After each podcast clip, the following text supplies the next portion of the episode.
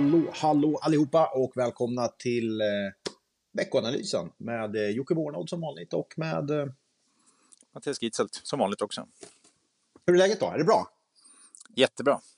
Jättebra. Nu är man igång igen efter sommaren. Mm. Till och med värmen som har försvunnit så är det lättare att jobba. Ja, det gör det lite lättare.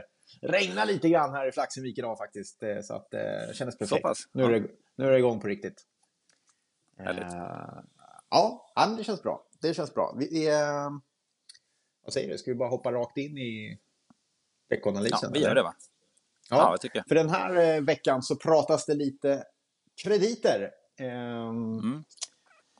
Och eh, eh, lite grann om kreditmarknaden. Som förstås har varit minst lika turbulent och intressant som aktiemarknaden i år, får man väl säga. Ja, absolut. Det var ju framförallt här under, under krisen under, i våras så var det ju riktigt stora rörelser. Uh, nu rör ju sig, om man säger de lite mer stabila krediterna, det som är investment grade, rör sig kanske inte lika mycket som skräpobligationerna eller det som är high yield då, eller som aktiemarknaden för den delen. Men de, de har samma, ska man säga, samma avkastningsmönster i alla fall. Så att när det stökar på aktiemarknaden eller på världens börser eh, och när man är orolig för tillväxt och annat så brukar man se det även på kreditmarknaden. Och, eh, det finns ju lite olika risker kan man säga på kreditmarknaden, men en sån är ju att, eh, ja, att det blir vidgade kreditspreadar helt enkelt. Eh, och eh, det var väl det som hände i, i våras i kombination med att det i alla fall på den nordiska kreditmarknaden eh, och, och även den svenska då, att det blev till viss del brist i likviditet. Så att vi Just hade en det. liten Ja, det är för många helt enkelt som har investerat i den här marknaden och för få som, som väljer att köpa när det väl krisar. Så att en klassisk helt enkelt brist på, på köpare. Och eh, då blir det ju ja, ett större problem än vad det blir på till exempel europeiska och amerikanska marknader där det i och för sig också var vidgade kreditspreadar men där man då inte hade den här likviditetsrisken som blev lika tydlig kan man säga. Just det. Det är, hyfsat, eh, det är väl tre risker man pratar om som du säger då. Likviditetsrisk, ränterisk och kreditrisk. Eh, Likviditetsrisken, den fick man som ett slag i huvudet. ganska, Ja. Kanske många inte riktigt hade tänkt på den. Eller jag tror många hade gjort, eh, absolut tänkt på den, men kanske inte insett att den i realiteten var ganska hög. Ehm, men är den borta nu då? Ska man se att det, det är någonting som är överspelat? Eller ska man ta det i beaktande? Har Riksbanken Eh. dödat eh, den risken eller finns den kvar där? Mm, nej, alltså den finns väl kvar så. Eh, sen hoppas jag också självklart att alltså, de investerare som finns på marknaden, oavsett om det är fonder eller vilka som investerar, att man kanske har lärt sig en liten läxa och diversifiera eh, mer tydligt. Eh, för som vanligt så är det ju så att så länge det är lugnt på marknaden så kan man ju fortsätta investera i samma gamla stil och så. Men sen när man väl, ja, eh, när det dyker upp något som är lite oväntat så, så agerar man för sent. Men det är bättre sent än, än än aldrig så att säga. Så Mm. att jag hoppas att man faktiskt eh, ändå har ändrat en hel del i framförallt hur man eh, ja, konstruerar portföljerna så att de är lite bredare än vad de var eh, innan. Men, men visst finns det fortfarande viss, alltså det är, det är fortfarande viss brist i likviditet i vissa papper, absolut. Men det är väl kanske lite mer tydligt i vilka det är. Mm, just det. Ehm, och en ganska extraordinär händelse att centralbanker, inklusive Riksbanken, gick in och stödköpte så långt, så långt ut på riskskalan, om man säger så. Ja, exakt. Och det är väl någonting som, alltså det är extraordinärt samtidigt kanske inte helt oväntat heller. Eh, tittar man till exempel japanska centralbanker så har man ju gjort det ett tag och det är väl liksom det närmaste steget när man inte kan köpa statsobligationer och annat längre. Eh, att man börjar köpa företagsobligationer och tittar man i Japan nu så köper man ju liksom, går man ju och köper ETFer och annat också. Men eh, eh, vi får väl se hur, hur långt man, man sträcker sig i övrigt. Men det, ja, man går ut ett steg på riskskalan och eh, eh kreditmarknaden uppfattar det i alla fall som en lite trygga nyheter och därför så har också kreditmarknaden återhämtat sig under eh, sommaren. Och eh, därför så ser det ganska bra, bra ut faktiskt. Eh, när man tittar avkastningsmässigt nu så har mycket av, av den stora nedgången återhämtat sig. Så det ser, ser ju klart eh, bättre ut. Och rubriken säger att vi fortfarande tror på asiatiska krediter. Eh, nu är jag ju ingen, eh, själv ingen stor expert på asiatiska krediter, men, men eh, det finns lite bättre förutsättningar där i alla fall. Tycker de som vet. Ja, man kan väl säga allmänt att vi i samband med krisen så, så, så var det ju snarare så att vi vi ökade på kreditrisk, vi såg lite möjlighet på marknaden. Och eh, det vi framförallt gjorde var att vi mer investerade mot eh, eh, eh, asiatiska krediter. För tittar man på, på de stora eh, marknaderna, framförallt på lite säkrare företagsobligationsmarknaderna, så är det ju så att det, kreditspreadarna har kommit ner igen, men det har inte kommit tillbaks till medianen på asiatiska krediter. Så där ser vi fortsatt en möjlighet till att kreditspreadarna går ihop igen. Så att, där, där ser mm. vi bättre möjligheter. Yes. Bra, om vi eh, lämnar krediterna för ett tag och hoppar in lite i aktiemarknad. Du, Apple 2000 mm. miljarder US-dollar. Eh, mm. Vad tycker du om det? Ja, men det är, ja, det är, det är en skön siffra som man inte riktigt kan ta på så känner jag. men eh, jag tycker... Så liksom, länge sedan man... som man pratade om... Det var inte så länge sedan man pratade om första bolaget över 1000 miljarder dollar. Det var ju en stor mm. grej. Nu, nu, nu är det redan 2000. Ja, det, är, det är lite knäppt faktiskt och Apple är upp 50% sedan botten i mars. Bara det är ju helt galet under ett år som så mycket är ändå nedstängt och så vidare. Men det visar ju återigen det vi har pratat om tidigare. Eh, Techgiganterna gynnas ju snarare av, av den här krisen än tvärtom. Det, de har gynnats innan men nu kanske ännu mer när folk jobbar hemma och annat. Så att, eh, ja, det, det är bara att lyfta på hatten. Är, samtidigt kan man ju, ja. när man ser på, på avkastningskurvan de senaste 30 ja. åren, det är lite parabolisk utveckling kan man lugnt säga. Det, det går rakt upp. Ja, det är det. Jag tänkte just säga det. Nu kan ju inte lyssnarna se en graf, men eh, leta upp en graf tycker jag på Apple. Eh, så, så får ni se en klassisk eh, parabolisk eh, variant av en aktiegraf. Eh, det, det brukar inte fortsätta i samma stil, så kan man säga. Nej, alltså det, det, är väl en liten varningssignal eh, när man tittar på sådana här historiskt oavsett om det är techbubblan eller ja, när man nu tittar så brukar de här inte kunna upprätthållas i samma fart. För det är liksom, om man Nej. tittar på en sån här, den kan liksom inte vända tillbaka och stiga ännu mer. Nej. Utan det är Nej. någonstans så. ja, eh, vi får se, men eh, vi hoppas naturligtvis att den, eh, den ändå håller upp. Eh, och jag tror ju att det finns om man nu tar sektorn totalt sett så finns det ju bra förutsättningar. Givet att inte politiker får för sig att reglera för hårt. Och det är ju, om man nu tittar lite längre fram här nu i samband med amerikanska valet. Och så en sak är ju naturligtvis vad, vad händer med, med techjättarnas marknadsdominans? Är det någonting som som är på väg att ja, regleras hårdare och lyssnar man på både Trump och Joe Biden så verkar det ändå vara som att det ligger inte i främsta fokus, även om det självklart ja, finns med, så är det inte det främsta fokuset just nu, utan det är snarare att öppna upp ekonomierna och sånt man, man diskuterar mer.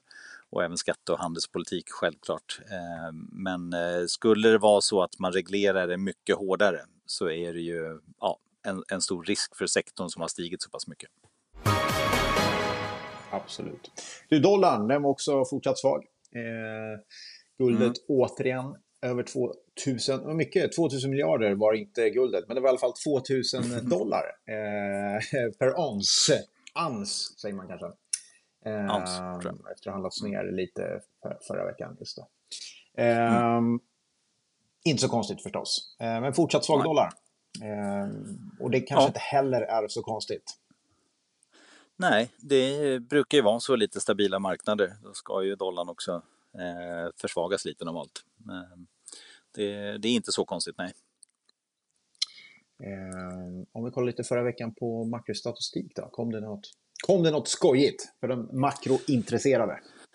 Ja, men det kom ju sådana preliminära inköpschefsindex. De var, för, i alla fall för Europa och Japan, så var de lite svagare än förväntat. För amerikansk ekonomi så var den faktiskt lite bättre och det trots att då såna regionala mätningar som eh, New York Fed och Philly Fed hade ja, visat en viss kontraktion. Så där var det faktiskt lite bättre. Ehm, och även faktiskt amerikansk bostadsmarknad och eh, ja, ser bra ut och eh, amerikansk konsumtion ser eh, ut att kunna upprätthållas ändå hyfsat.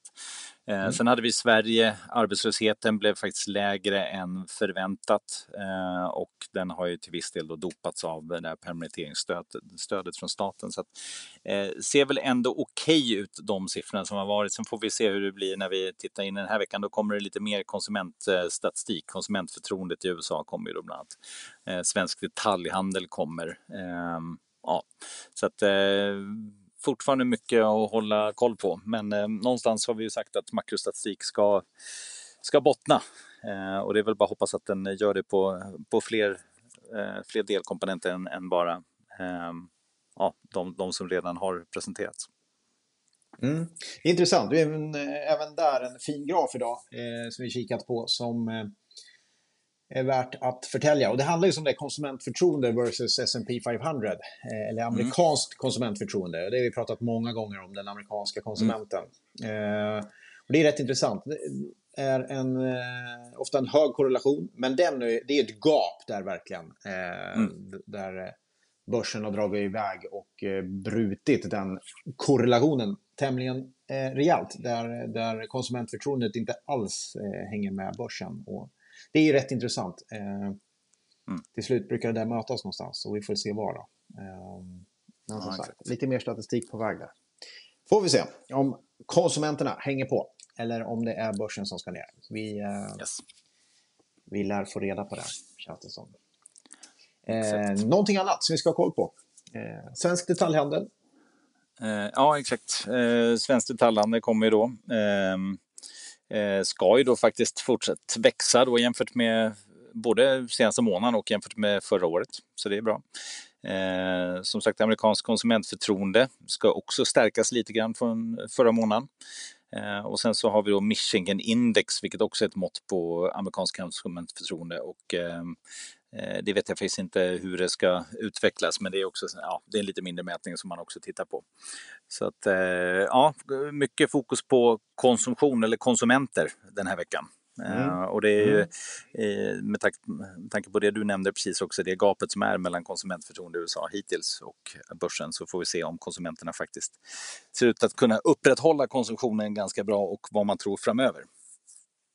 Ja, min bedömning är att bra. det fall i Sverige har varit en ganska bra detaljhandel. Det är min eh, känsla. Ja. Mm. Har du bidragit? Ja, men, ja, det har jag absolut gjort. ja, eh, det, det brukar ju tyvärr bli så lite på somrarna ibland att man, eh, man får tid över att eh, investera i saker man annars inte har tid med. mm. Jag eh, känner igen mig. Eh, så gör vi en empirisk bedömning från, från oss två så, så, så har det varit hyfsat okej okay, alla. Ja, så inser man på hösten att man ändå inte hinner med det man har köpt. ja, exakt. Det ligger kvar i lådor. Eh, till, till, till, till, nästa ja. sommar. Ja. Eh, bra! På börs och bolagshändelser så Ja, vi har Elekta som kommer med rapport eh, på onsdag. Det är väl det stora svenska bolaget. Men vi har också huvudstaden som kommer. Eh, det är lite intressant. Eh, det går lite olika för, för våra fastighetsbolag och huvudstaden är ju ett bolag som antagligen har det ganska tufft. Äger bland annat NK-varuhuset. Så det kan vara intressant att kika lite extra på det då på onsdag tycker jag. Ehm, sen kommer det lite smått och gott under veckan här, inga större. Men Norwegian eh, är ju ett bolag som eh, lockar många har jag noterat när jag kikat lite grann på det. Och de kommer rapport på fredag. Och där har jag en grej. Vet du vad som är väldigt tråkigt med Norwegian? Och jag förstår att många tycker det ser billigt ut när det nu handlas kring 1,50 eller vad det är i Norge. Eh, kollar man de tio största ägarna så tror jag, undrar om inte åtta är leasingbolag som har blivit påtvingade aktier istället för eh, betalning helt enkelt. Mm.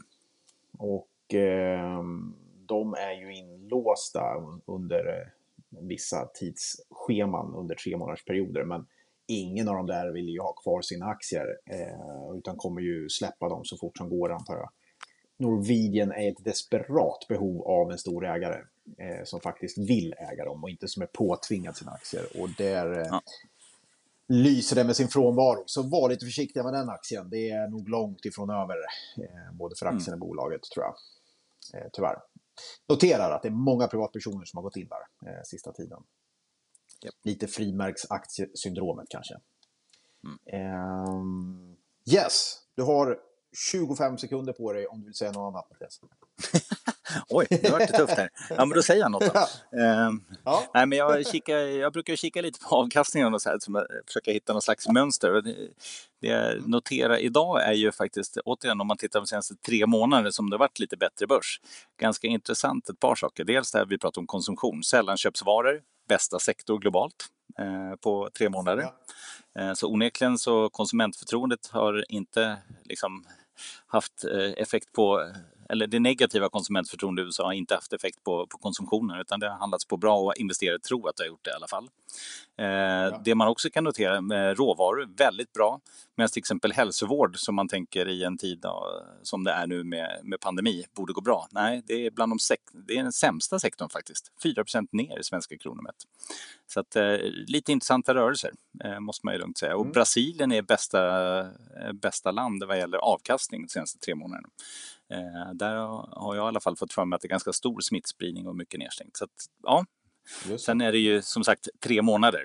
Eh, tittar man sen året så, så, så, är det ju helt annorlunda. Men eh, jag tycker ändå ganska tydligt att investerare tänker att den här pandemin är relativt över. Så får vi hoppas att det inte blir någon större andra våg här. Mm.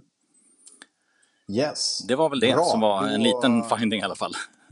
Ja, du klarar det på en minut och 25 sekunder. Det är okej. Vi Oj. dömer ingen. Okay. Det, är, det är lugnt. Så kan det bli. Du, eh, det var det värt, eh, tycker jag. Bra. Du, eh, gött, ska vi säga så? Och så stänger vi den här butiken, eller? Vi säger så. Det gör vi. Ha det gott allihopa, så ja. hörs vi igen eh, nästa vecka. Ha det bra. Svärd dödar, så var ni era kära mödrar och var ni era fäder med. Därför partypatrullen de kräver det. Och våga inte stå där stilla med benet på väggen, stå där och chilla. Då kommer discosnuten bötfälla dig, då får du discotruten bötfälla dig. Olagligt att inte dansa, asexuell, straight eller transa. Och vi ska upp bland molnen, varannan dag men alltså en skål sen. Vi ska twista till svetten, lackar till polisen, juristen och rätten backar. Skiter i tiden och vad klockan slår när vi revar hela dygnet så långt vi får